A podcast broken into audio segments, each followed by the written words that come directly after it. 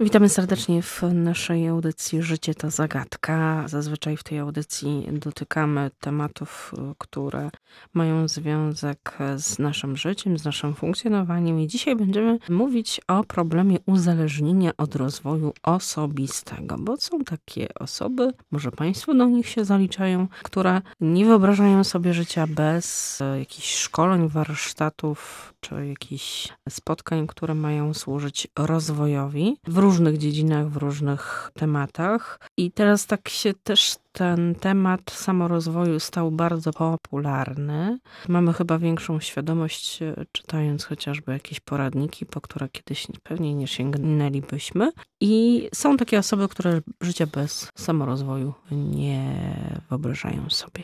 Z czego może wynikać to uzależnienie? Kiedy możemy mówić o tym uzależnieniu? Kiedy ta praca się staje taka niepokojąca?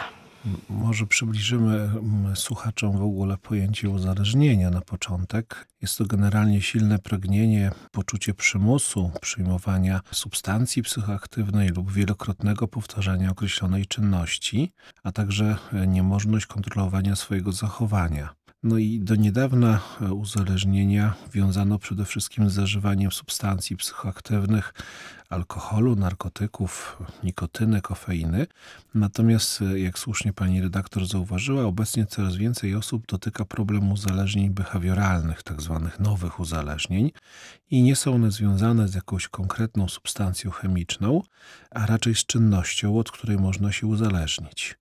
No i mówimy tutaj m.in. o uzależnieniu od gier hazardowych czy komputerowych, od zakupów, od opalania, od zdrowego jedzenia, od ćwiczeń fizycznych, od pracy, od użytkowania mediów społecznościowych i także właśnie od samorozwoju czy rozwoju, który jest bohaterem naszego dzisiejszego odcinka.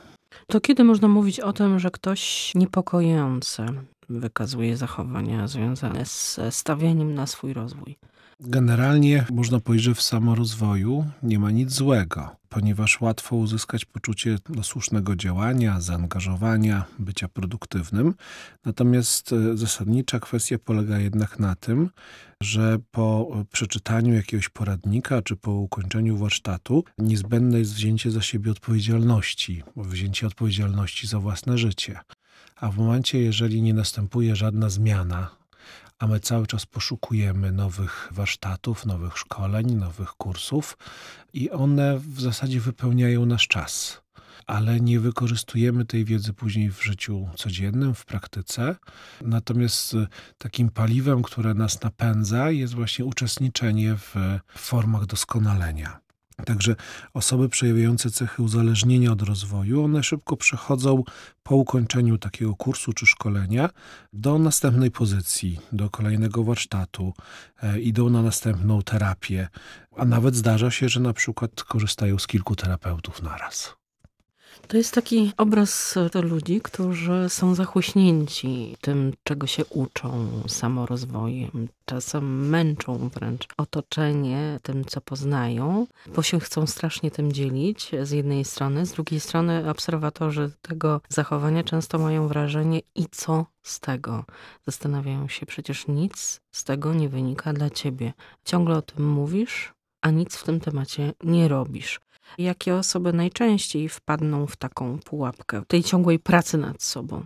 Takiej no tej... pracy w cudzysłowie, no bo to nie jest do mhm. końca praca, skoro się nic nie dzieje.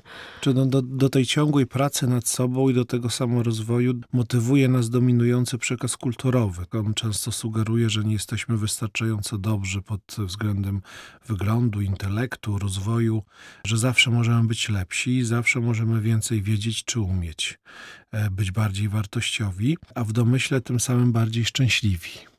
Te osoby, które dążą do tego ciągłego samorozwoju, to są też osoby, które poszukują szczęścia po prostu. Czasami wypełniają pustkę w swoim życiu, brak umiejętności nawiązywania bliskich relacji, e, brak relacji opartych na zaufaniu i trosce. Często są to osoby o określonych cechach charakteru i one mogą przyczynić się do rozwoju takiego uzależnienia od doskonalenia się. Są to osoby, które mają deficyty w zakresie samoregulacji emocji. To mogą być osoby o obniżonej samoocenie, które mają poczucie nieadekwatności.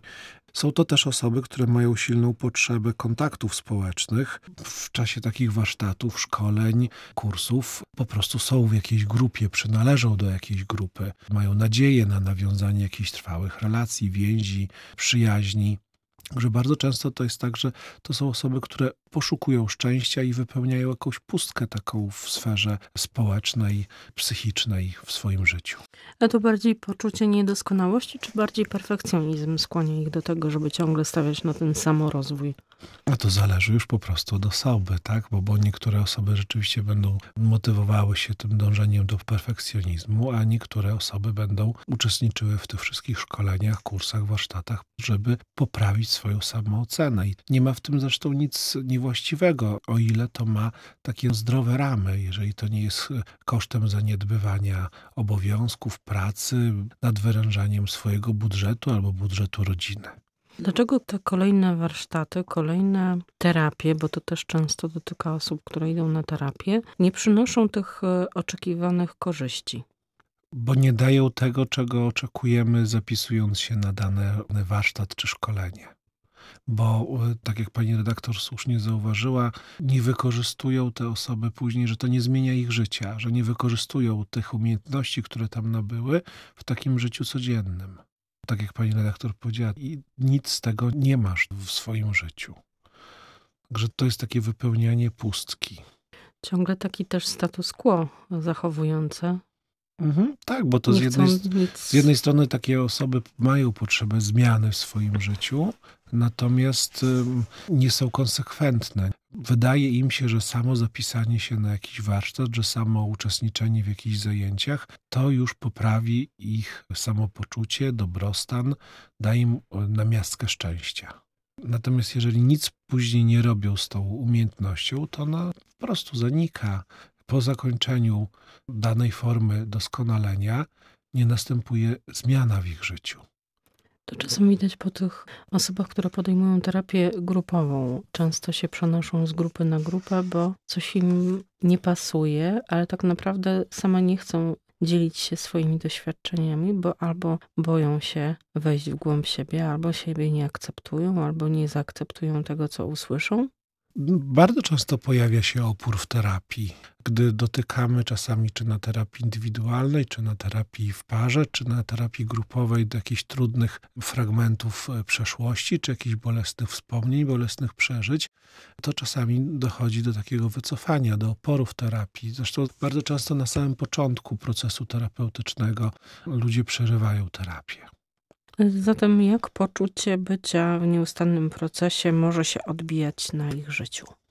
no to paradoksalnie zwalnia ich z uczestniczenia w życiu, bo ciągłe poszukiwanie nowych doznań, nowych szkoleń, nowych warsztatów, nowych form doskonalenia odsuwa tak naprawdę te osoby od ich realnych problemów, od tego, z czym powinny te osoby się zmierzyć. Poza tym zazwyczaj jest tak, że cierpią inne obszary funkcjonowania tych osób, na przykład relacje, obowiązki w szkole czy w pracy, budżet domowy.